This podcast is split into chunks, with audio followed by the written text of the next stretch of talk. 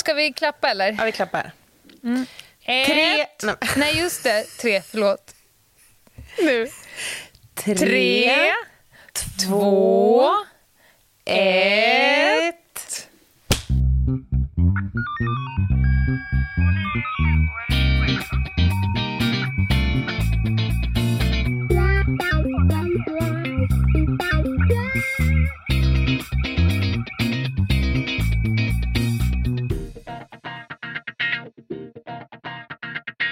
Hur har vi det en dag som denna?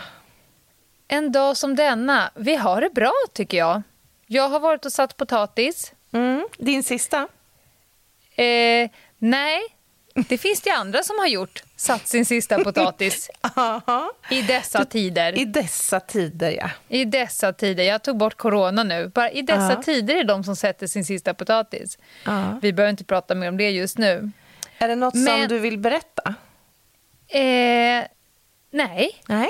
Jo, alltså så här. Jag har suttit och... Eh, jag har haft mer tid än du den här veckan. Ja. Så att jag har suttit i våra sociala medier och eh, ja, men svarat på grejer. Mm. Du har Eh, jobbat på.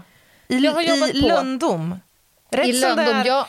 När jag har gått in bara för att Ja. vittja så Ja. ser jag att där har det varit aktivitet i mejl och... ju...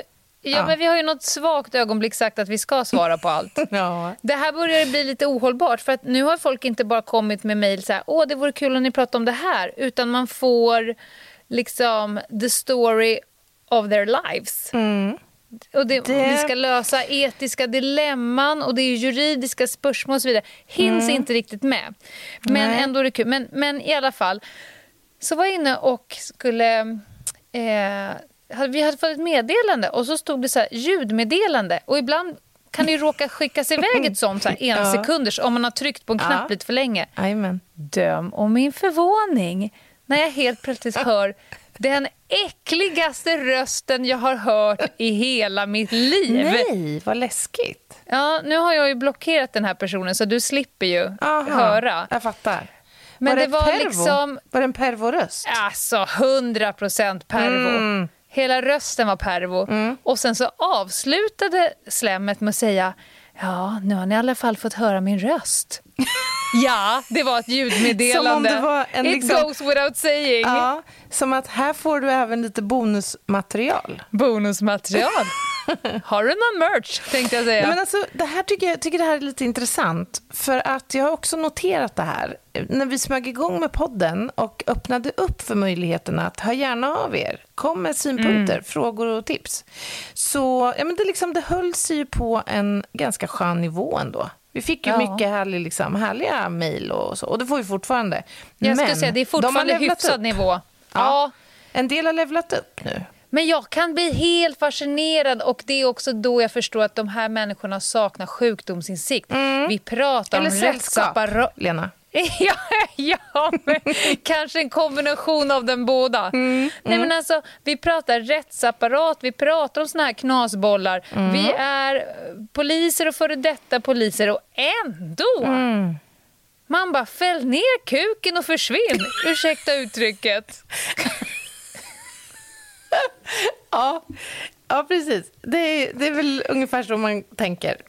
Ja. Om vissa av dem Och i alla ibland fall. säger Sen ibland är det ju en också. annan kvinna också som hör av sig. Men där är det ju mer, upplever jag i alla fall, så här, djup, alltså man vill dela med sig av sina erfarenheter och söker aktivt hjälp. Och gör Ja. det till oss i brist på annan lämplig mottagare. Ja. Men eh, ja, nog om det. Men- Ska vi men- rulla ja, igång? jag, tyck, jag tycker det. Och det var så roligt att det här hände just nu eftersom jag, vi redan innan hade valt ämne. Ja, ja men Mm. exakt. Det passar som hand i handske, som man brukar säga. Ja, precis. Så varför inte bara säga välkomna till krimpoddarnas krimpodd Över min döda kropp. Med mig Anna Jinghede och... Lena Ljungdahl.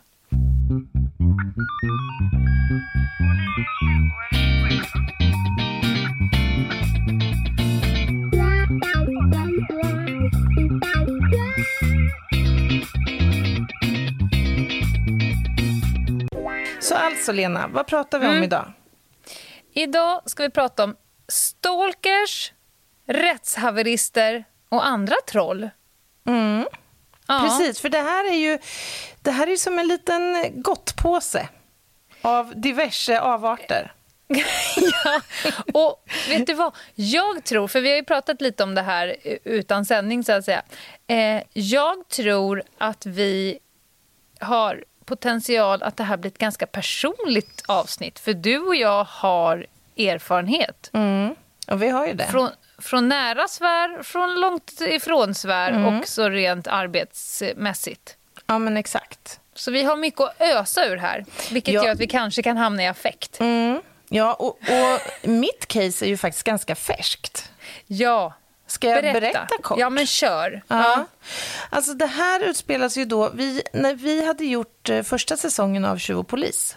Det här började sändas, jag tror det var första september förra året. Och den andra september blir jag kontaktad på Instagram. Av, alltså, det var ju många som hörde av sig efter premiären och så här, kul att se dig på tv, roligt eh, grepp, eh, bra program, bla bla bla. Så där. Högt och lågt liksom. Fast på rätt sida. Alltihop. Ja, absolut. Eh, och så var det en som även skickade ett direktmeddelande och skrev så här.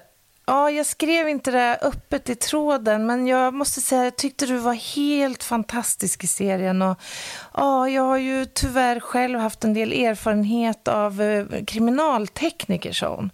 Därför att jag förlorade båda mina föräldrar i en trafikolycka för en, en tid sedan. Och eh, ja, det var väldigt traumatiskt för mig. Och så här. Ja, men hon direkt slog an en sträng i mig. Du som känner mig vet att det är ju en fälla för mig. Alltså för att jag är ju sån till sin natur. Alltså jag tror gott om många människor. Ja. Jag har väldigt dålig, eller så här, svårt ibland att, att se att någon skulle vilja mig något illa, helt enkelt. Eh, Så att hon slog an en sträng direkt som gjorde att jag så här mm, besvarade med en väldigt vänlig ton. Liksom, ja, men oj, vad, vad tråkigt att höra. Jag beklagar verkligen. Och tack snälla. Men du är ju väldigt varm, Ja, Anna. men, så här, ja, men jag vet, Ja. alltså, jag, jag har liksom svårt att se att någon, jag vet inte, utnyttjar, alltså det är så jävla, ja jag vet inte, sjukt helt enkelt. Att spela på någons känslor på det sättet. Ja.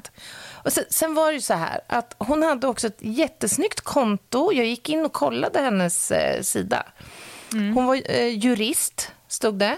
Snygg, blond tjej. Och det var bilder på hennes barn, eller på ma- man och hus. Och, det, liksom, det var snyggt och prydligt. Det fanns ingenting som stack ut. Annars kan ju en varningssignal vara så här, alltså noll inlägg eller liksom noll följare eller sådär. Men liksom allt såg reko ut. Mm.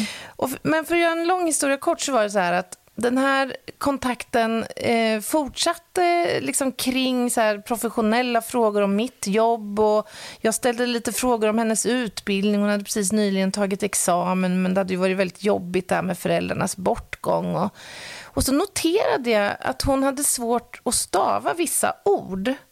Eh, Och det kan man ju ha. Det är ju inget konstigt med det i- i sig. Men om man har läst en väldigt lång och tuff akademisk utbildning så tycker jag att man borde kunna stava till psykiatri till exempel. Vilket hon inte kunde. Ja, så att så här, jag, jag noterade att det var lite så här, li, några detaljer som liksom stack ut på något sätt. Och det som blev avgörande var att hon beskrev att hon hade fått identifiera sina föräldrar när de hade dött. Och, då, och det vet jag att det, så funkar det inte. Så då började jag googla och se så här, har det skett någon dödsolycka vid den här tidpunkten i Sverige? För jag tycker också att jag borde känt igen det här yrkesmässigt, vilket jag inte gjorde. Och jag fick ingen respons på det. Så då började jag ana oråd. Och kort därefter så kom en väldigt märklig fråga till mig. Hon ställde frågan om jag kunde tänka mig att bli hennes Instagram-mamma.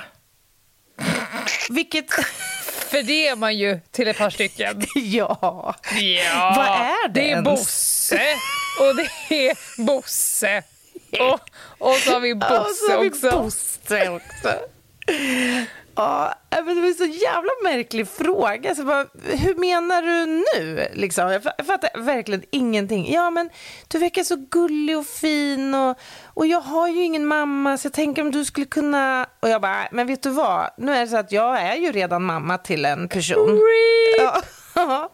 så att nej, jag tror faktiskt inte det. Hej då, Nej. typ. Och då Ja. var det som att trycka på en knapp. Japp. Sen brakade helvetet löst. Mm. Det kom eh, diverse hotelser och hon Mm. eh, ville inte leva längre och det var mitt fel. Och hon önskade livet ur mig och min son. Och, ja, det, var, det blev väldigt stökigt. Eh, sen var det ju så här, i och med att det här förlöpte liksom under en ganska kort tid så han vill liksom inte hennes relation till mig bli särskilt djup. Alltså, hon kände nog själv att det var lönlöst att liksom hålla på. Därför att Mm. dels så blev hon identifierad tack vare... Ja, vi hjälptes ju åt lite i den här processen utan att gå in på Ja. några detaljer. Nej, så exakt. lyckades vi Jag ju... blev involverad. Ja, du blev involverad. Ja. Och eh, hon blev ju då identifierad ganska snabbt. Och då blev jag ändå ganska lättad för jag insåg att det var en kvinna. Det var liksom nummer ett så här, Psykologiskt så kändes det ganska skönt. När jag också fick se hur hon såg ut så förstod jag att det här var inget fysiskt vidunder på något Nej. sätt. Så om hon står på tröskeln en vacker dag så är det i alla fall inte direkt livsfara. Precis. Men så var Nej. det ju så också, bara en liten knorr i det hela så lyckades ju jag innan hon blockade mig och jag blockade Mm. henne så att säga så skärmdumpade jag väldigt mycket från hennes konto. Och jag insåg ju då att det här var ju... Det var bra. Ja, det var ju det. För Mm. det visade sig att det var ju stulna bilder från Mm. en person som har blivit förföljd av den här personen i över tio års tid.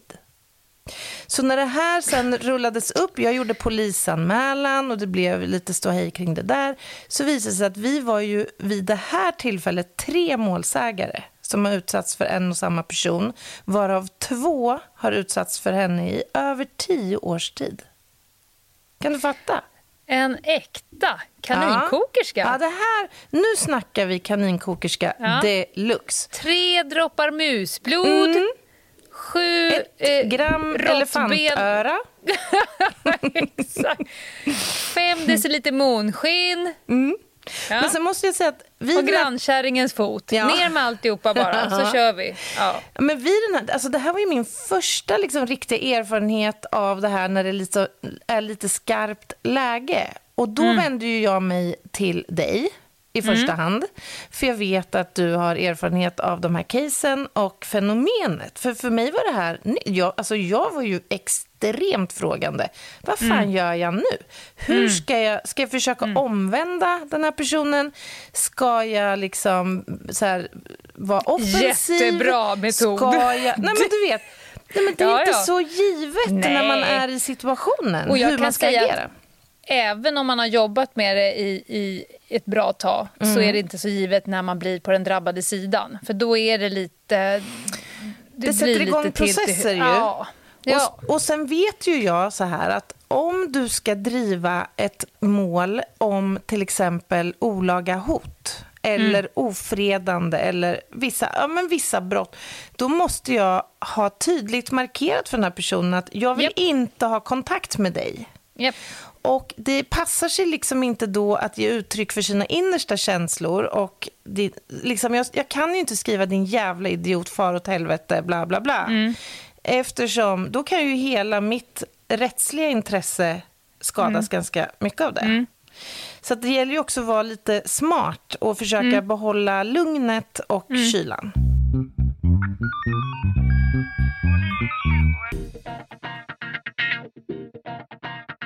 Men du har ju också erfarenhet, Helena. Vet jag. Eh, Ja, alltså jag i light-version. Och det blev, men jag hade faktiskt en, en, en, en, en semistalker, som jag kallade honom under många år. Supermärklig. En supermärklig situation. Jag sammanfattar det väldigt kort. Jag bodde på en adress. Han bodde på samma adress. Vi hade egentligen ingenting mer att göra utan att vi träffade typ på bostadsrättsföreningens kräftskiva någon Jag förstår. Mm. gång. Nej, jag hade ingenting med, med karln att göra. Nej. Sen flyttade jag från den adressen till en annan adress på andra sidan stan. Mm. Eh, jag flyttade från Södermalm till Norrmalm. Mm. Eh, och sen så efter ja, jag ska säga ett halvår så såg jag samma person gå in och ut ur en port, porten bredvid min. Nej, Och då tänkte jag sjukt. så här, men det kan ju vara en slump. Nu bor, han, nu bor han här helt plötsligt på en, på en annan gata. Vil- Vilket sammanträffande att han flyttade eh, samma halvår som jag till samma adress som jag. Men gud. Tänkte inget mer på det. Sen så eh, hade jag en kille som bodde tillbaka på Södermalm. Mm. Eh, där jag var väldigt mycket. Jag var inte skriven där, men jag Mm. var där väldigt mycket. Och inom ett halvår så bodde karln på den gatan, på andra sidan gatan, i porten mitt emot. Och Mm. hela tiden, så jag såg honom liksom när jag stod i, ba, i parken med, fy, med vad min son. olustigt. Gjorde aldrig någonting, sa aldrig någonting. Nej. Och sen fjärde gången när jag flyttade till en adress där jag, när jag bodde sedan länge, Mm. då flyttade han in i samma kvarter igen. Och då när jag kom ut en morgon så stod han med min bil. Så då eh, rusade jag faktiskt ikapp honom. För att Ah. han hade, och vi pratar ju, annars så brukar det eskalera. Den här typen av beteende brukar alltid eskalera Mm. Ja. på något sätt. Men han Men han tog ingen kontakt? Bod- Liksom, Ingenting. Så här, direkt kontakt? Nej. Ingen, ingenting som jag vet. Nej, nej. Nu vet ju inte jag Nej, om han ollar mitt dörrhandtag Ja, varje natt. Eller, Eller vad det nu var. på dina trosor eller något i ett obevakat ögonblick. Men inom loppet av liksom fem år så bodde jag på fyra olika adresser i Stockholm och han bodde på samma. Mm. Ja, men det är ju o- det här har jag alltså, inte det sagt går knappt. inte. Jag sagt till min dåvarande kille. Men till slut så blev jag så arg på att han var i den här så jag kutade. Jag rusade ikapp honom och bara Mm. vad i helvete? Och han såg så fruktansvärt spak ut. Ah. Och, sen så, och sen så hade jag ju koll på, då, nu tog jag reda på vad han var skriven och sådär. Sen så flyttade han och Mm. sen dess har jag inte sett han. Okej. Mycket märkligt. Ja, verkligen. Men likväl olustigt. Bara känslan att liksom vara bevakad eller känslan att man kan vara det. För att det här, i mitt fall så hann jag ju ändå liksom få den känslan. Och När jag hade pratat med de här andra två målsägarna så fick jag också veta att den här personen har sökt upp de här fysiskt, överträtt ett gäng kontaktförbud mot Ja. de här. Och då blir det liksom ett lite Ja, ja, hon annat var ju läge. hardcore. Ja, verkligen. Nu har hon Ja. fått eh, sin dom. Hon fick fängelse faktiskt. Så det känns ju Mm. ändå Hej då. som... Bye, bye. Mm, bye, bye. Så det känns ju ändå bra. Men man ska ju ändå säga i sammanhanget att det här är ju en förhållandevis ny lagstiftning ju. Mm. Och det är, finns inte jättemånga domar. Nej. Det är svårbevisade brott. Varför är det så, Lena? Ja, jag, jag kan bara dra lagstiftningen Ja, så att folk det. är med på vad vi pratar om. Ja. Stalkning eller olaga förföljelse. Då, då. För det första så måste det vara upprepade brottsliga handlingar. Det här diffusa, till exempel som jag drog, som bodde i samma kvarter. I, oftast är det väldigt diffust och väldigt svårt med gränsdragningen. Ja. Och det handlar väldigt mycket om hur jag upplever saker och ting. Och sen ska det också bevisas. Det. Och sen ska det också bevisas att den andra personen har förstått, precis som du sa, att det var eh, oönskat dessutom. Just det. Men, men det måste vara flera stycken. Eh, och dessutom så måste de vara vissa av brotten, så finns det liksom upprapade brott som det måste vara. Som måste ingå, ja. Mm. Precis, till exempel misshandel, olaga hot, hemfridsbrott är vanligt, ofredande är vanligt, eh, skadegörelse för den delen, men också överträdelse av kontaktförbud. Eh, att man redan har fått reda på att det är oönskat men fortsätter. Så att, och, och allt det här, var och ett av varje brott måste vara en del i det man kallar för den upprepade kränkningen av den personens integritet. Det vill säga att du mals ner av den här personens agerande. Och det liksom påverkar hela din sfär.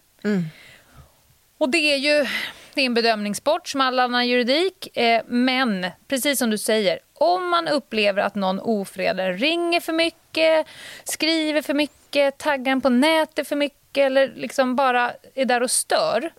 Då måste man en gång för alla säga ditt beteende är oönskat och jag vill inte att du kontaktar, Kontakta mig, mig. smsar mig eller gör någonting från det här datumet. Precis. Efter det så ska du inte svara en enda gång till. Nej. För det är ingen idé. Och från, man kan säga att nästan lite hårdraget, men från den tidpunkten där du faktiskt har meddelat att det är oönskat, efter det så kan du bara börja samla på hög. För Ja. då, är, då vet personen om det. Och Även innan säga också såklart. Ja. Och, och det, här, det här klargjorde ju du för mig när jag var i den här situationen. Att bra, nu har du, nu har du talat om för henne eh, att du inte vill ha mer kontakt ifrån henne. Men det var ju då det här eskalerade. Och det var ju då de här riktigt grova grejerna kom. Och då kan jag säga är det jäkligt svårt att inte agera i affekt. Mm. Därför att Alltså Ja, det, det och- slår ju och- an en sträng igen. Ja, och ofta ger den sig på saker som du med kraft vill dementera. Mm, eller gå in och debattera. Eller trycka till. Eller någonting annat. Jättedumt, för de här personerna är som hajar. Och får de en liten droppe ytterpytte blod så kommer de att hitta den. Och om du då ger den här klassiska, ge inte lillfingret för de tar hela handen. I det här fallet så tar de hela ditt väsen Ja. och maler sönder dig. Ja, men så att man får inte. Man får nästan lämna ifrån sig alla sina saker Mm. till någon som bara förbjud mig. Jag ska inte ge tillbaka. Men det är ändå så här intressant, för att då när det här hände så läste jag på lite grann. Vad, liksom, vad Mm. är det för... För, för, för mig var det för det första ganska fascinerande eller förvånande att det var en kvinna som var efter mig. För jag trodde ju att det var män uteslutande. Och det är det ju. Det är ju mest män Mm. Ja, som det. håller på så här. Men eh, gruppen är ju extremt heterogen. Det finns liksom Mm. inte en viss personlighetstyp som håller på så här. En del eh, agerar ju på det här sättet som en del i en liksom psykiatrisk problematik. Alltså Mm. att man har någon, någon neuropsykiatrisk störning, ofta autistiska eh, Mm. drag. Men det kan ju också vara schizofrena drag eller Ja, ja. bipolärt syndrom eller något sånt där. Och då liksom blir den här förföljelsemanin en del av...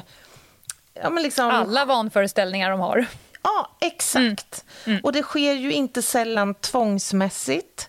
Och i mitt fall eh, med den här kvinnan så framkom ganska tydligt i rätten att det handlar till stor del av eller om bristande impulskontroll. Mm. Alltså att man vill egentligen inte hålla på så här. Men när man hamnar i det här läget, för ofta handlar det om människor som saknar liksom socialt kapital. Alltså de har Mm. inte en umgängeskrets, de, de fungerar inte socialt helt enkelt. Nej. Men de fungerar bakom, eller så här, i hemmets trygga vrå, bakom tangentbordet. Där kan de utöva makt och där är de någon. Liksom.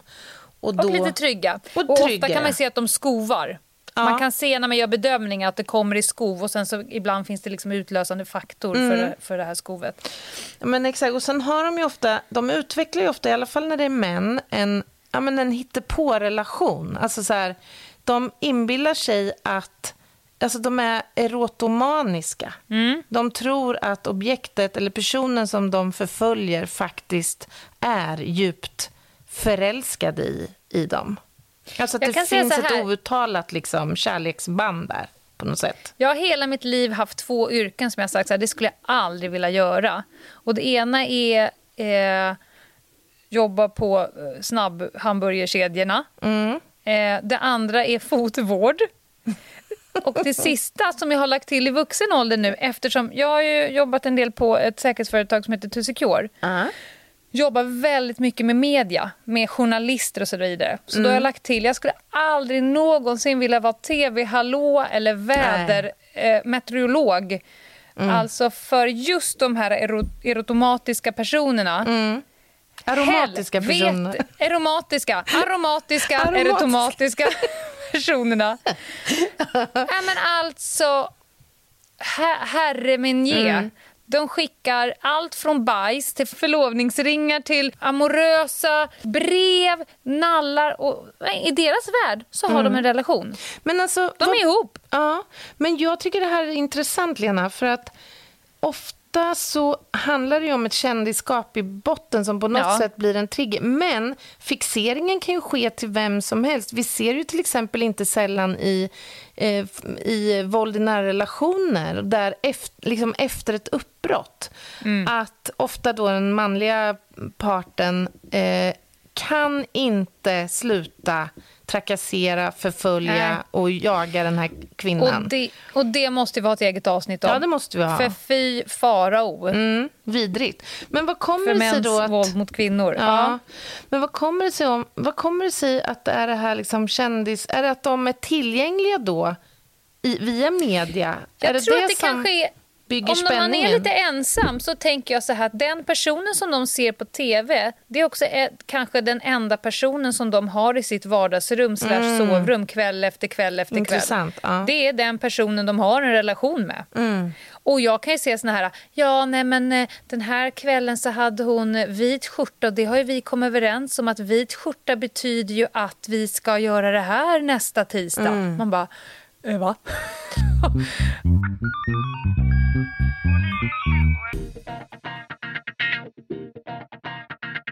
Jag har faktiskt läst en studie, Ja, tror eller ej. inte förvånad. Nej. Men jag tittade, man, man tittade på 145 personer som har fått diagnosen stalkare. Mm. Eh, eller döm, dömts för stalkning snarare.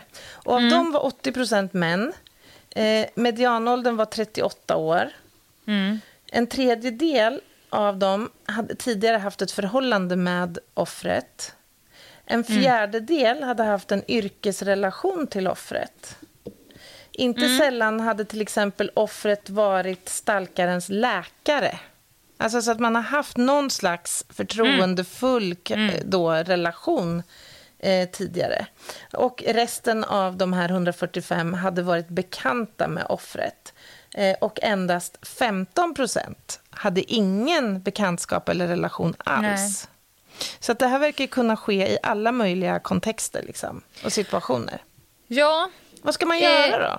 nej men jag tänkte faktiskt först gå igenom jag har ju gått en utbildning i SAM, som det heter. Stalking Assessment and Management. Just det. Det är ganska skönt. Jag gick den här utbildningen och så tänkte jag, fan ska jag använda det här för? Eh, och den, jag gick den för Henrik Bellefrage. Eh, han har ju det här namnet som du måste älska, evidensbaserad kriminologi. Det gillar du ju. Bara ordet måste ju få dig att... att Ja, men det är tilltalande. Ja, ja. Men, då, men det är ett, ett väldigt standardiserat hot och riskbedömningsinstrument. Och, och det är svaret på din första fråga. Varför är det här så, så svårt? Jo, för att det är så diffust och man måste konkretisera det. För att annars är det väldigt svårt att bedöma. Och när gör vi de här bedömningarna? Jag kan dra ett exempel eh, där det var en kvinna som fick extremt mycket vykort av en man. Och sen ändrade de sig i karaktär och sen så började det komma upp lite datum och lite sådär. Så till slut så kände vi så här, vi måste göra en bedömning av det här. Och då delar man upp det i tre delar. Först vilken typ av stalkning eh, det är och vilka beteenden som den här personen gör. Till exempel skriver vykort och ofta och sådär. Sen kollar man på gärningspersonen, på gärningsmannen. Vad har den här personen för riskfaktorer? Det måste vi bedöma. Och sen så måste man göra det här som är ganska känsligt. Man måste också bedöma sårbarheten hos offret. Ja, just det. Och då är, är sårbarheten kan vara hur offret upplever det, hur, hur offrets tillvaro ser ut. Ensam, en, sjuk eller stor social kontext eller ja, vad den har för bakgrund och sådär. Men får, jag fråga, riskfaktorer hos stalkaren då? Är det typ våldskapital eller Ja. tidigare våldsbrottslighet? Eller vad? Jag tog faktiskt ut mitt, eh, jag har den framför mig här nu, ett, ett sånt här bedömningsunderlag Mm, bara för att man ska intressant. förstå. Först beskriver man mönstret i själva beteendet, Mm. hur det ser ut. Eh, och sen så eventuellt om det har varit något tidigare beteende som ändrats. Mm. Och sen går man då in för riskfaktorer. Man kollar eh, hur personen sprider sitt, eh, det den gör. Mm. Eh, om den meddelar sig, om den är där och pockar på, om den övervakar offret, om den tar närkontakt eller om den skrämmer. Alltså på vilket sätt sker stalkningen? Eh, Finns det hot? Finns det våld? Är den ihållande? Har vi sett en upptrappning? Och så gör man liksom små kryss i den här hela tiden för att man ska få en rejäl bedömning. För att annars så när jag själv läser bara vykorten kan jag själv få affekt och känna gud vad otäckt eller sådär. Ja, så då det. måste man ner och kolla på nomenklatur, vilken typ av penna, är det versaler, är det gemener, ändrar de karaktär och sådär. Eh, och, se- och sen så kollar man då för riskfaktorer för gärningspersonen. Till exempel, är personen aggressiv? Är personen irrationell? Förnekande? Har den en antisocial livsstil? Och då får man ju skriva i så mycket man vet. Ibland vet man inte så mycket. Då får man Nej. ta utifrån den information man får på själva mediet. Mm. Eh, finns det missbruk och så vidare. Och Sen går man då in på sårbarhetsfaktorerna. Och Det är lite känsligt. Men en sårbarhetsfaktor faktor är att offret är inkonsekvent i sitt beteende mot gärningspersonen. Och Det var ju det jag försökte styra upp dig, även om jag inte visste om du skulle bli inkonsekvent. Men det är som en, sån här, en coachning som man ger. Det. Du måste välja en metod och stå benfast med den. Så när du får ett mejl på 400 sidor mitt i natten och du genast vill svara någonting så är det bara släpp tangentbordet och backa ut från rummet. Om det så behövs, kasta ut tangentbordet. Eller ring en kompis eller gör någonting. Men det är en sårfaktor, en sårbarhetsfaktor. Eh, och Sen så är det också sin egen attityd till det här. Om man för, för, hittar förmildrande omständigheter. Det finns personer som är jätteduktiga på att alltid hitta förmildrande omständigheter hos gärningspersonen. Personen har en dålig uppväxt, det är samhällets fel, eh, blivit av med jobbet och så vidare. Och så vidare. Eh, att man har kanske en dålig tillgänglighet för skyddsåtgärder. Att man själv redan är en utsatt person. Du kanske inte har något skyddsnät överhuvudtaget och då så är ju din sårbarhet större än någon som har en väldigt stabil tillvaro. Ja. Eh, man kanske har, är extremt, har en stor oro för närstående. Den här gärningspersonen kanske har dragit in barnen eller någonting i det hela. Ja, och som väldigt raffinerat brukar användas som ett påtryckningsmedel ju också. Så Barn och eh, djur är- är exakt. vanliga. Klassiskt. Är, är offret eh, känslomässigt instabil själv? Finns det missbruk? Och så gör man en, en, eh, och så får man massa svar från det här och så gör man en totalbedömning där man tittar på motivatorer.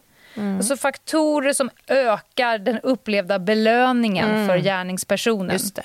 Vad är det som motiverar gärningspersonen? Man kollar på avhämmare. Vad är det som liksom kan dämpa det hela? Eh, och, eller de negativa konsekvenserna av stalk- stalkningen. Och sen så har vi de här destabilisatorerna. Alltså faktorer som försämrar förmågan att fatta rationella beslut. Så, och då försöker man skriva ner och konkretisera eh, de olika riskscenarierna utifrån alla svar man har fått. Och Det är nästan enda sättet som går att göra på. För att om jag ska sitta och bara, okej det här är en kvinna, hon har fått så här mycket mejl eller brev eller vad det nu är. Och så ska jag sitta och titta, då blir ju svaret alltid detsamma. Vilken jävla galning, han verkar ju livsfarlig. Men om man då bryter ner så kan man konstatera att personen är superbesvärlig. Förmodligen kommer personen aldrig sluta. Men det finns ingenting i det här som visar på att det skulle finnas risk för ö, våld kanske, Nej. eller hot eller något sånt där. Och då kanske offret kan åtminstone få sova på nätterna Mm, exakt. fram Bara- mot rättegången. Ja, och, och de här riskbedömningsinstrumenten är ju liksom inte på något sätt tagna ur luften. De Nej. bygger ju på många Ja. års forskning och erfarenhet om den här typen av Mm. liksom, problematik. Och jag tänker att för den som är utsatt så kan det vara väldigt betryggande bara att Mm. få den kunskapen att utifrån vad vi vet om det här problemet Ja. så löper du en låg risk för att utsättas för till exempel fysiska angrepp eller risken är väldigt låg för Ja. att ditt barn eller dina barn ska utsättas Eller för tvärtom. Eller Vi, har haft tvärtom. en, Eller vi har haft en tvärtom. journalist Mm, som jag sa, när jag riktigt. fick läsa allt det här så sa jag, vet du vad? Nu i helgen får du och din fru bo på hotell. Ni ska inte vara i ert hem i helgen Mm. Nej. på grund av, och så får man liksom kolla hur det har eskalerat och, och att, att tonen ändras väldigt Mm. mycket. Det är en sån stor riskfaktor. Och såna här eh, liksom instrument finns för det mesta. Det finns ett som heter patriark där man gör bedömning Mm. för hedersrelaterat våld. Jajamän. Vi har trapp 18 som jag använder en hel del. Som är Sara. liksom, Ja, riskbedömning för hot och våld. Vi har Sara och så vidare. Och så vidare. Men det är ganska skönt att konkretisera det. Ja. Verkligen. Och då Men- kommer vi till det här, vad fan gör man då? Ja, precis. För jag tänker att det är ju för det första inte alla som eh, kommer dit så att man gör en riskbedömning. Nej. Många av de här, för det är ju så här att många upphör ju om du faktiskt, om du gör en polisanmälan eller hotar om att göra en polisanmälan så upphör ju faktiskt många. Eh, men sen är det ju en klick som inte gör det och då är det ju bra att veta hur man ska agera. Har du några bra tips? Ja, men vi har standardtipsen då. Det, vi har varit inne på att sätta gränsen och sätta den tydligt och sen inte backa från den. Eh, för det är bara att visa för den andra att det är bara att fortsätta. Eh, do- dokumentera allt. Och det är ju ett skitgöra, för man vill ju helst bara delita och Ja. blocka det första man gör. Precis.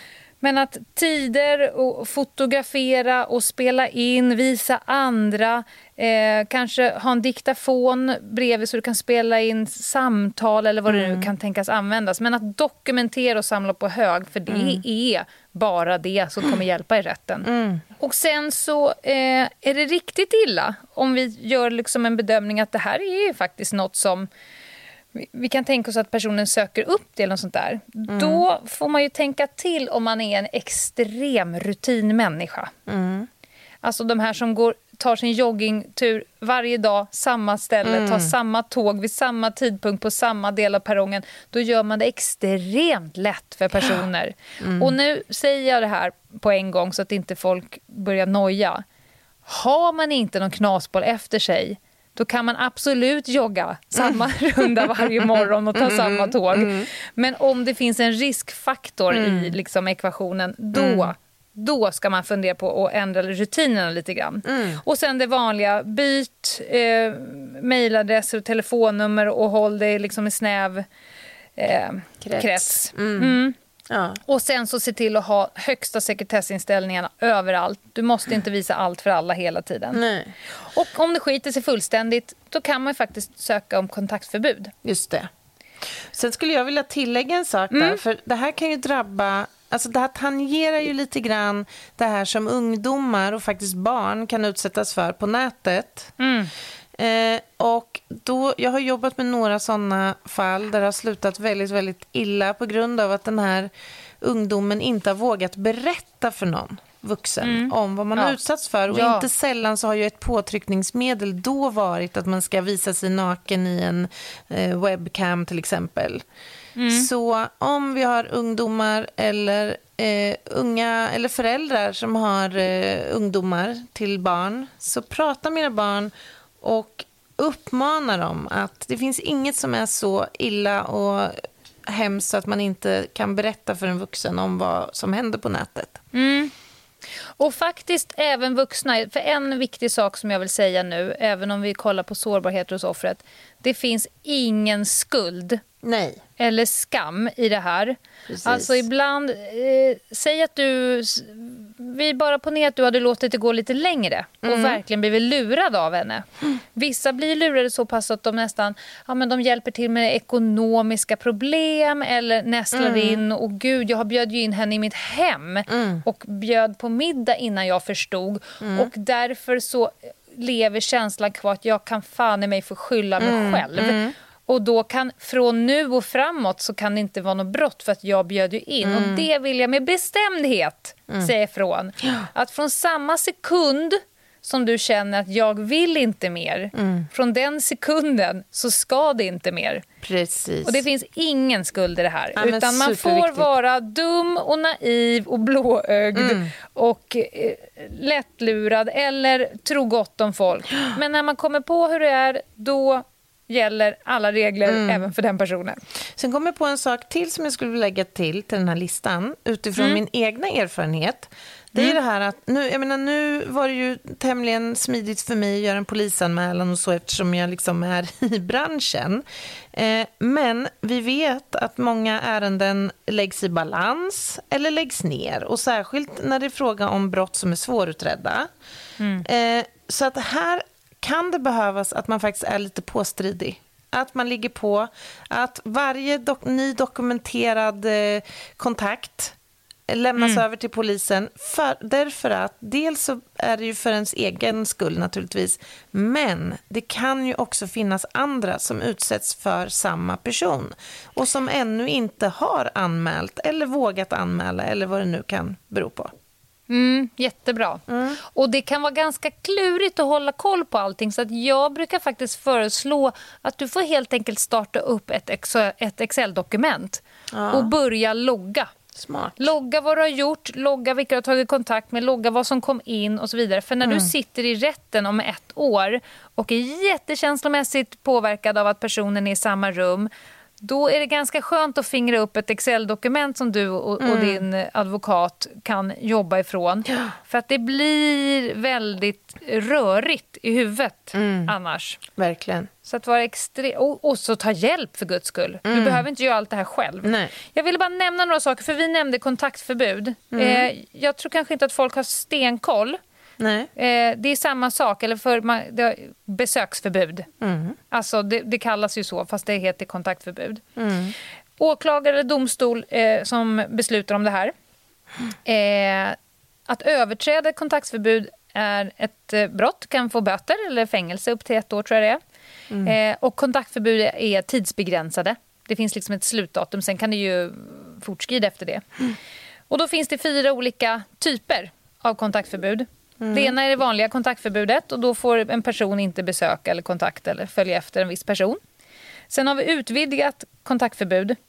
Då får man inte besöka eller vara i närheten av den här personens bostad eller arbetsplats eller andra ställen som hon, säger vi nu då, brukar vara. Ehm, och sen efter det har vi det särskilt utvidgade kontaktförbudet. Ja, men då har ju personen douchebagat ut rejält. Då får personen inte vistas i ett större område kring den skyddade personens bostad, arbetsplats eller andra ställen. Så att man, man helt enkelt utökar den personliga Ja, sfären till att bli större och större och större ju mer. Och oftast är det att personen överträder eh, kontaktförbudet. Det är då man utökar. Man kan till och med ha kontaktförbud mot en person som man delar bostad med. Just det. Mm. Man det kan ha man. kontaktförbud i en gemensam bostad. Du får helt enkelt inte vara hemma när den andra personen är hemma. Är det här med kontaktförbud en avskräckande faktor för de här personerna om de är tillräckligt motiverade? Nej, men för vissa skulle jag säga att, att, att åka på ett ofredande är ju en tämligen uddlös eh, lagstiftning. Det händer inte så himla mycket. Ja, nu Nej. är du dömd för, of- för ofredande är ju ett av de brotten som oftast leder fram till kontaktförbud. Att man liksom inte ger sig helt enkelt. Eh, det händer inte så himla mycket. Det blir till ofredande och sen blir det till ofredande. Men om du får till ett kontaktförbud och du överträder det. Ja, alltså jag vet ju personer som har fått hoppa in och, och krypa in i finkan en stund för att du överträder kontaktförbudet. Det blir lite mer konkret. Mm, just det. Att det är en, en aktiv handling att åka till den här platsen än att skriva ett sms. Du får ju inte skriva sms heller. Nej, men, Eh, eh, ja. Nej, men eh, så att ta, bolla upp den frågan om ni har någon som eh, inte ger sig. Bra. Men du, Mm. sen finns det ju några andra liknande avarter. Några, po- Jag några polare. några Ja. polare Kusinerna. till... Kusinerna. ja. Mm. Ska vi prata lite om dem? Ja. Jag tänker på rättshaveristerna bland annat. Ja. Vad har vi på Fy rättshaveristerna? Fan vad jobbiga de är att ha att göra med. Ja. Jesus. Eh, Har du haft att göra med någon i ja, tjänsten? men skojar du? Jag har haft att göra med en kvinna. en sån total galning. Mm. Jag ska nu inte säga vad hon heter, för hon kommer garanterat gå igång på det här. Ja. Det är alltså en kvinna som har hört av sig till ett lärosäte och velat utbilda sig. Mhm. Eh, fått eh, nej på det, kom inte in. Nej. Gått bananas och vill ha ut liksom, vem kom in och, och hej och hå och drog alla de här fulkorten som man kan dra när man är kränkt.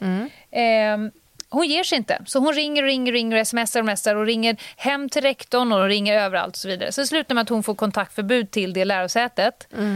Och när jag fick det här på mitt bord, då hade hon kontaktförbud på sex lärosäten i Stockholm. Mm. Alltså, hon var där jämt. Ring. Hon måste ha ägnat 26 timmar per dygn till att kontakta lärosäten och vilja få ut varför kommer jag inte in. Därför att du är dum i huvudet, skulle man vilja svara. men, men, och, och hon, hade, hon skulle mycket väl ha kunnat komma in på men- sina... Liksom, så det är bara en rent flax. Men sen Ja. så sa jag till lärosätet ni får fan bara ringa varandra för den Ja. som tar in henne kommer aldrig bli av med henne. Det här, jag har tänkt nämligen samma, lite samma sak kring de här som jag har varit i kontakt med. Att för, för ofta handlar det om en princip. De upplever sig ju kränkta av någon anledning och de är beredda att starta krig för att få sin upprättelse. Mm. Och då har, har jag tänkt ibland så här, om du hade ägnat, om du hade tagit all den här tiden som du nu har lagt på att Ja. skriva liksom kilometerlånga mejl och skrivelser och läst på lagstiftning och allt vad det nu är och istället Mm. ägna dig åt att försöka liksom på ett mer konstruktivt sätt att lyckas med ditt mål så hade du sannolikt gjort det ju. Alltså det, det, det bara. Mm. Ja, nej, det finns Oh. en kraft som man blir f- fascinerad av. Ja. Det här slutade med, för att jag samarbetar mycket med polisen då, det här Mm. var när jag jobbade på det här säkerhetsföretaget. Eh, och fick tag på en, en förundersökningsledare där och till slut också sedermera åklagaren som skulle liksom sammanställa det här. Mm. Och sen så ringer åklagaren till mig och berättar att åklagaren har att få ansöka om kontaktförbud på sig själv. herregud. För att den här kvinnan fick då reda på vem som var åklagare och sen börjar det där, för det finns ju inga spärrar. Nej. Det finns inga så här, jag kanske inte ska. Nej, Fram, nej. Nej, framgångsfaktor noll. Nej, men de här människorna är ju bokstavligen talat ibland beredda att gå, att gå över lik för sin sak. Ja, ja, ja. Alltså de skyr ju inga medel för Men jag att... tycker att det, det är ju de värsta, men jag tycker fan att jag har folk i min, omgi, i min liksom, omgivning som har rättshaveristiska Beteenden. beteenden. Mm. De här som typ så här, ah, jag fick en lapp av någon, liksom, något etablissemang, någon myndighet. Bara, jag rev ut den och gjorde konfetti av den. För att bara när de får tillbaka den då ska de minsann Mm. behöva liksom klistra ihop det här för att diarieföra Mm. det. Man bara, what? Det, är- det är liksom, och det är ändå fullt Ja, funktionsdugliga dugliga människor. personer. Men, men faktum är att de flesta av de här är ju det. Många har ju inte, Ja. till skillnad från Nej. våra förföljare, så Mm. har ju rättshaveristerna inte så ofta psykiska problem. Nej. Alltså de är ju välfungerande ofta. Man brukar säga drag. De kan ha grandiosa, Ja, narcissistiska drag. Mm. Men de kanske inte alltid drar hela vägen bort till psykopati. Nej, Kan precis. vara där och veva såklart. Däremot är de ju outtröttliga. Ja. Alltså, det är hämnden som driver dem. Och sånt I- här som dränerar oss andra. Alltså Mm. det som man själv bara... Åh, ja, du vet, när man själv ligger att man, att man är som en våt disktrasa. Det här eviga mejlandet Mm, fram och tillbaka. Ja. Det som får oss att helt dräneras, Mm. det är deras bästa bensin. Ja, ja, visst. Det är det bästa de vet. Mm. Då blir det direkt 8 A4 till. Ja, vilket gör att man kan inte vinna. Och sen är det lite läskigt med de här människorna ju. För att de, om, de har ju ofta ett språkbruk som kan vara ganska så här, högtravande. Ganska, det kan förefalla ganska imponerande. Anna, Ja. är du rättshaverist? Ja, kanske, det kanske finns en liten inom mig. Jag vet inte. Jag brukar Fast inte... du har inte sånt. De- Deras språk brukar vara mer så här... Jag relaterar till min verklighet. Och som Mm. jag sa, du vet, de bara packar skitnödiga ord på varandra som inte betyder Men något. fram, framförallt så vill jag hävda att jag har någon form av empatisk eh, jag, läggning. jag skojar. ändå. Jag skojar. Men, men eh, faktum är att eh, de, de här människorna de har ofta ett språkbruk som är ja, men som jag sa, högtravande, liksom Mm. avancerat. Och sen så framställer de sig ju ofta som experter på olika saker. Är Så här, extremt pålästa och de kan minsann rabbla liksom EU-direktiv från A till Ö. Ja. Men i själva verket så är ju mycket hittepå. Men de är jävligt duktiga på att ordbajsa. Så att det framstår ju som att de är extremt vederhäftiga i sin liksom, sakkunskap. Men om man lä- utläser alltihopa så är det oftast väldigt tomt Ja. och de har ingen koll. Noll koll, Och kokosboll. jag älskar människor som relaterar till min verklighet. Jag rela- Ja. I min verklighet, man bara, det finns bara en sucker. Det, du har inte en egen. Nej. Men jag tror att de, de liksom lever med den här frågan så tätt intill sig, dygnet runt. Det är liksom deras främsta näring. Så det blir en verklig verklighet för dem. Och till slut så har de liksom helt tappat den riktiga verklighetens, liksom, ja, förstår du, hållpunkter. Så Ja, att, och, och när man har att göra med de här personerna... Eh, jag, ska, jag vet ju att både du och jag har ju personer i vår närhet. Kan man säga så? Det kan man Utan göra. att säga för mycket. Ja, ja. Eh, så att vi har ju personlig erfarenhet av det här. Eh, och då kan jag själv bara reflektera över att jag är jättemycket bättre i min yrkesutövning på att utbilda i frågan och guida andra än när jag själv sitter mitt i skiten. Då, då, då försvinner en stor del av min kompetens och kyla. Men det jag vet är sånt som vanligtvis fungerar på vanliga människor när man har en konflikt. Det vill säga man försöker tala till sånt som man båda anser vara förnuftigt eller försöker jobba lite med rationellt tänkande. Kanske att man försöker med sympati, empati, fakta. Ingenting av det Nej, det här har man inte. ju någonting att hämta. Nej. Nej. Det är hej och Kalle Anka och åtta nya sidor mejl tillbaka Ja, som man exakt. inte kan göra någonting med. Nej. Och argumentera, det kan man glömma. Alltså, Nej, det går inte. Det är det bästa de inte. vet. Ja, ja. Det är det bästa de vet. Exakt. Exakt, det blir en trigger bara. Och så slutar alltihopa med att man själv ligger sig i sängen och är helt utranerad Ja. utan, utan, utan att ha kommit fram till någonting vettigt. Men vad ska man göra då? Ja, alltså, ja, det första är att du ska inte argumentera. Mm. Tänk inte ens tanken. Jag brukar likställa rättshaveristerna med kokainisterna. Det är ingen idé att argumentera.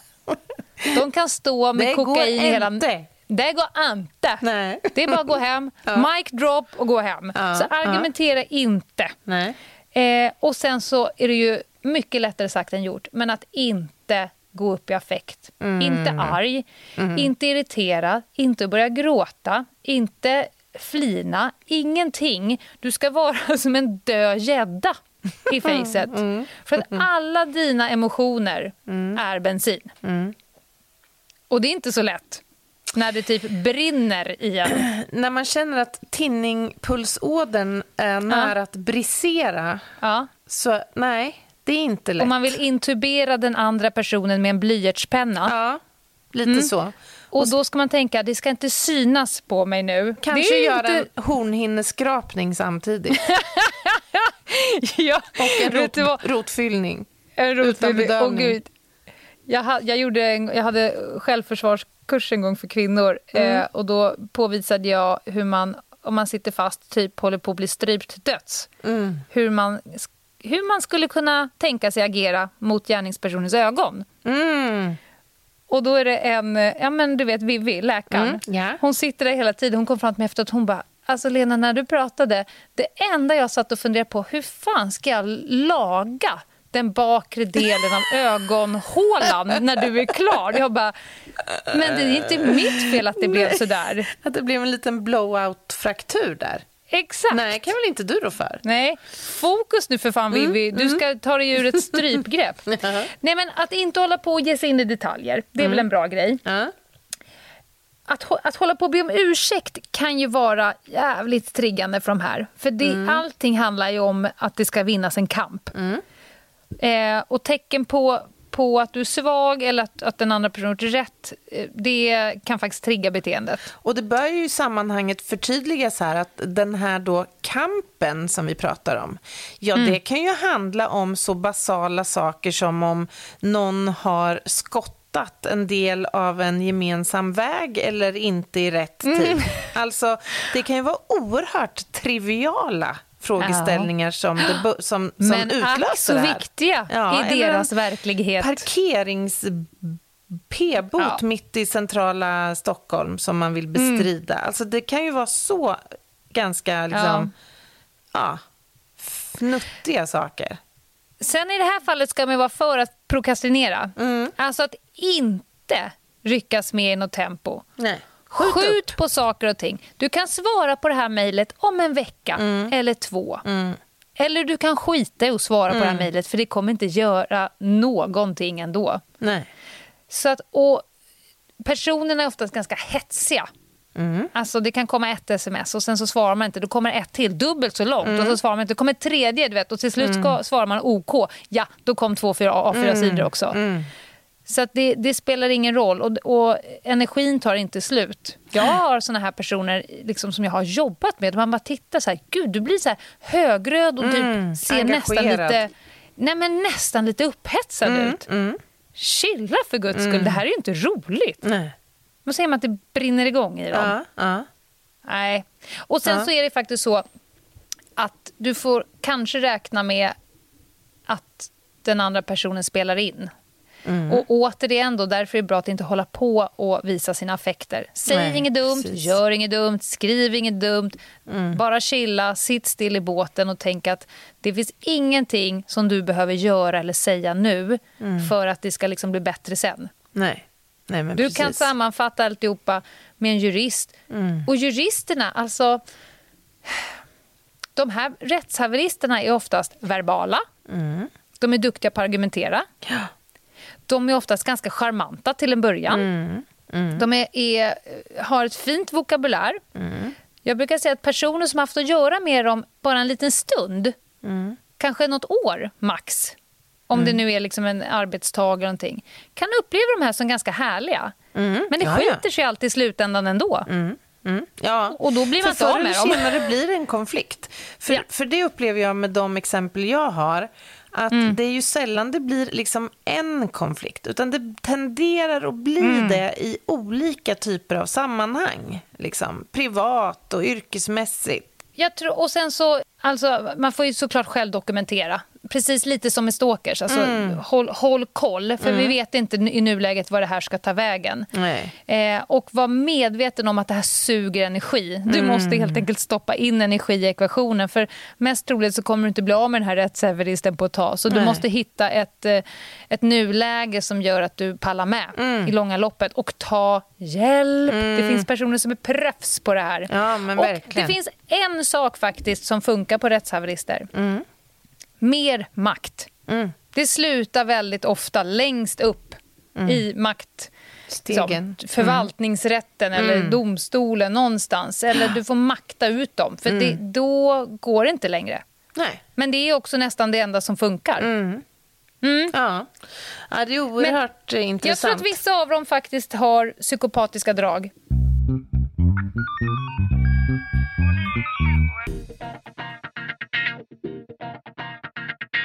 Sen, Mm. sen har vi ju eh, faktiskt också en eh, subgrupp till en liten kusinen från landet Jaha. i gänget här. Men jag inser att tiden går ju så himla fort. Vi har haft det så himla spännande det här avsnittet. Så... Men du måste ju säga vad det är. Ja, det ska jag. Jag bygger upp lite förväntan här nu. Jag tänkte att vi också skulle ha pratat lite grann om nättroll. Ugh.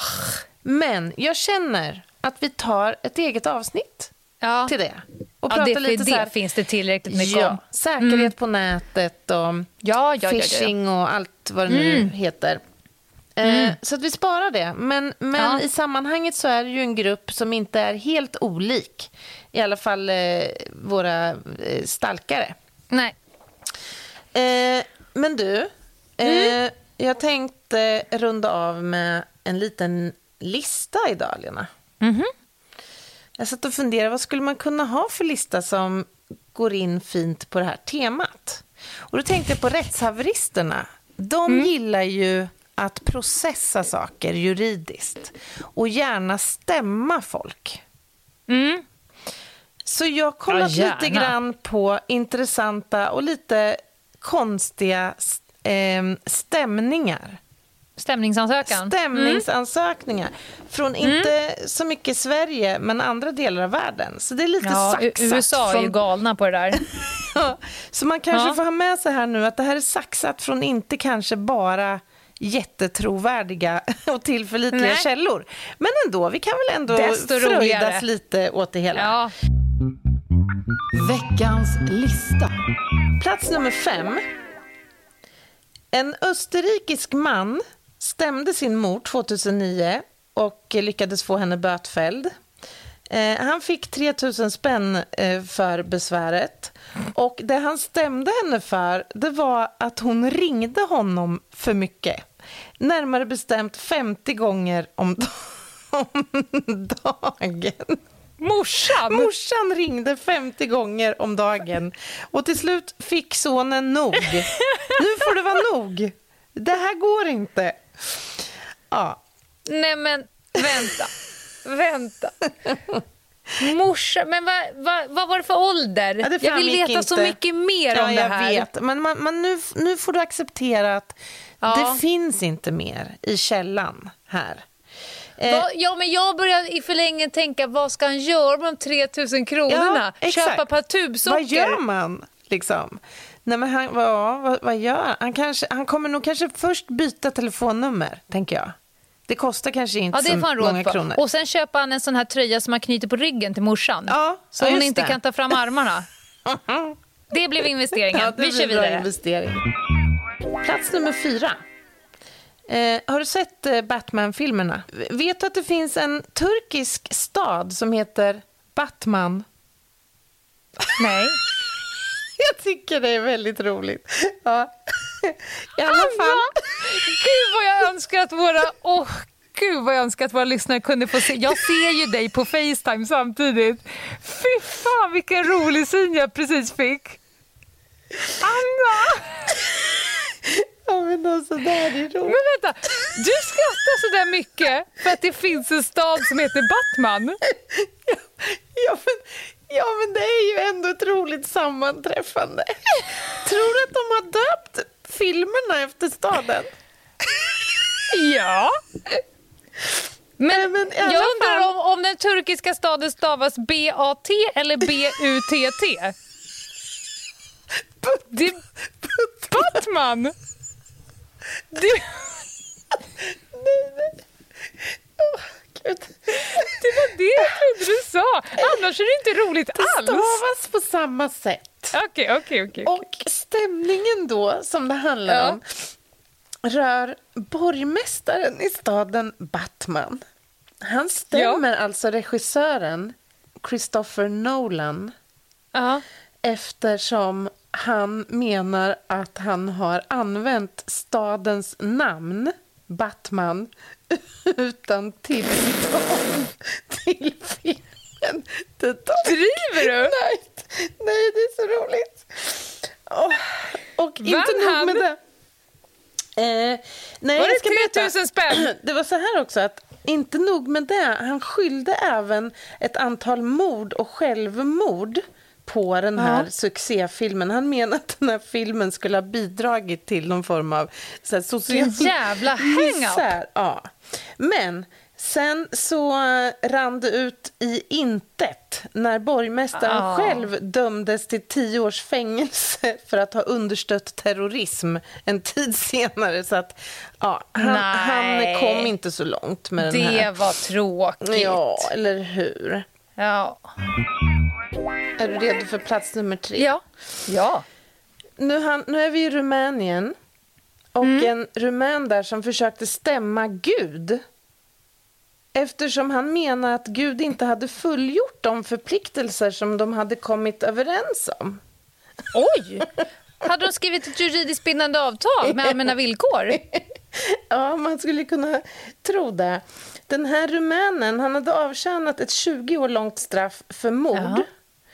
Eh, och han menade att Gud liksom inte hade hört hans bön, hans böner och han ville därför ha pengarna tillbaka som han hade spenderat på religiösa artefakter i form av kors och biblar och grejer. Han ville ha, han det ville där ha måste jag liksom pengarna gilla. tillbaka. Ja, jag sitter här. Det är oerhört Men- kreativt på något vis ändå. Jag undrar, vad, nu måste jag fråga så här. När jag tänkte så här, nu ska jag stämma Gud. Jag skriver ett papper, Ja. jag stämmer dig Gud. Mm. Vad gör jag de facto med pappret? Ja, vad skriver han för adress på det, undrar jag också. Nej, men är det inte någonting att Gud är i våra kroppar? Käka, om man käkar upp pappret kanske? Ja, ah, du tänker så, ja. Ja, men precis. Som en liten oblat? Ja, ja just det. Eller hur ska han få pappret Ja. till Gud? Alltså, det här är ju faktiskt jädrigt intressant. Hur, hur, ja, Nej, men oblatupplägget tänker jag, det är väl in, inte fel. Det är väl ändå En tre liters dunk med Rioja och sen bara idissla i sig skiten. ja. ja, jag säger inte emot. Jag säger inte jag emot. kan inte komma på något närmare. För att, Ja, är, men det, liksom- är det inte Gud i oss Ja, i men så det fall? här att, att Gud sitter på ett moln liksom, i himlen, det måste man, den, det, det måste man Nej. väl ändå ha liksom... Men, Hur ska han komma men upp å andra dit? sidan, vem är kungen i djungeln, Lena? Vi går vidare. Plats nummer två. Ja. En man kör ut från en McDonalds drive-thru. Jag tror det här var i USA. Ja. Han har då en läsk placerad mellan sina ben. Sen när han sträcker sig efter pommes fritesen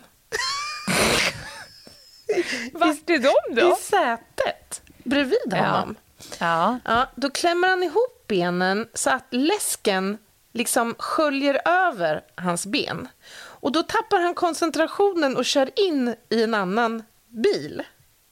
Det var också tråkigt. Ja, och då, då är det ägaren till den påkörda bilen som stämmer McDonalds för att de inte varnar sina kunder för faran med att köra och äta. Nej, men stopp! Han lackar inte på, på Nej. fanskapet som Nej, kör in i honom. Han, Han blir sur på McDonalds. Det här är Kan McDonalds fel. finnas ett direkt orsakssamband Samband, ja. mellan vad tror jag att jag kan få ut mest deg av? Mm, du tänker En karljävel som sitter och, och kör knipövningar med Coca-Cola eller McDonalds själv. Ja, men det är ju så otroligt konstigt gjort i alla fall. Plats nummer ett. Den här. Ja. tycker jag ändå är starkast. Mm. Och du kommer snart förstå varför. Ja. En universitetsstudent som ser några vänner gå förbi hans rum ute på gatan ja. beslutar sig för att han ska mona för dem. Ja, så han Händer ju ofta. Ja, Ja. eller hur? Så han drar ner braxorna där och pressar sin bleka, nakna rumpa mot fönstret. Fy fan. Ja. Ja. Det han inte hade räknat med, tror jag, är att fönstret går sönder. Han faller tre våningar och skadar sig ju av naturliga och förståeliga skäl ganska Mm, Det ordentligt. var tråkigt Mm. också. Och då stämmer han universitetet för att de inte har varnat för att fönstret kan gå sönder. Jag vet inte om han tillade när man monar, men han stämde i alla fall universitetet för att de inte har varnat för att fönster kan gå sönder. Men då tyckte hans korridorskamrater, fram, framgick det av den här notisen, de, de högg ju direkt på det här, så de satte ju då upp lappar i korridoren här att caution, do not place buttocks against glass. Personal injury may result på alla fönster i hela det här studentkomplexet. Jag tycker det är faktiskt ganska Men när roligt. man gör något sånt där, Mm. det har väl hänt att man har gjort några halvknasiga saker i sitt liv. Har du monat? Men när det inte... Nej, det har jag inte gjort. I alla fall inte utan samtycke, om du förstår vad jag menar. Eh, ja, jag förstår. Jag har Ja. monat. Va? Ja, nu, nu sa jag det. Jag har monat. Va? När då? Ja, det kanske var i en buss en gång. Jag kanske, jag kanske hade varit och spelat någon match. Och skulle Tryckte du göra upp mig lite röven mot, mot mot fönsterrutan? kompisarna som satt i en bil bredvid. Ja. Är det det var- dokumenterat? Men det var inte häromdagen om jag säger så. Jag var kanske Nej. yngre. 41? Nej, nej, det här var i Nej, då är det inte dokumenterat. På den Nej. tiden hade man bara Konica Pop. De hann Ja, inte ja. skruva Instamatic. fram den. Instama. För- ja. Nej. Ja, nej, nej, det har jag inte gjort. Men det jag skulle säga är så här, om man nu skulle göra en sån här jävla blunder och det inte går hela vägen, kryper man inte då bara tillbaka in i sin själ och låtsas som att det inte har hänt? Man skulle ju kunna tänka det, såklart. Men eh, tydligen inte. Det gäller inte för alla.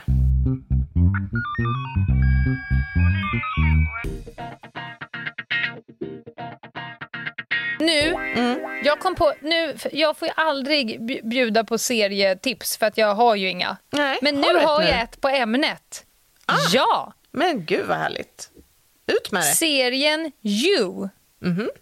på Netflix. Okej. Stalker-serie. Mhm. En snubbe som är så jävla aromatisk.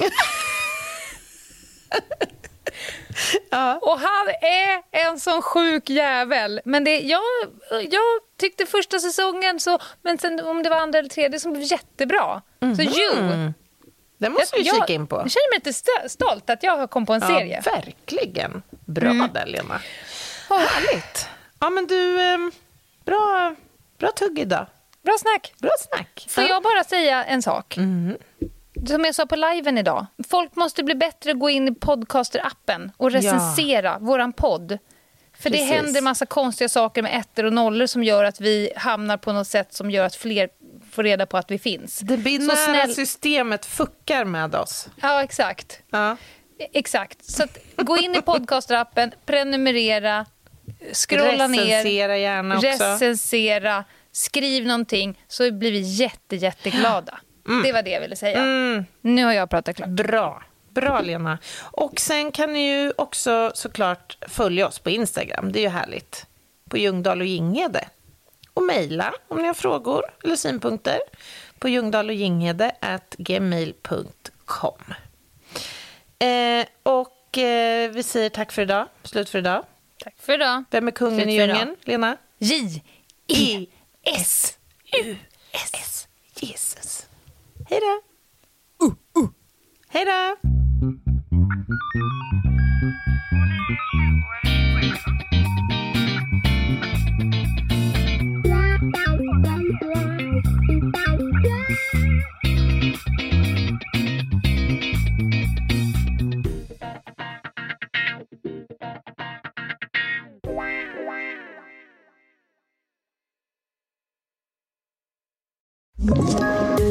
Poddtips från Podplay.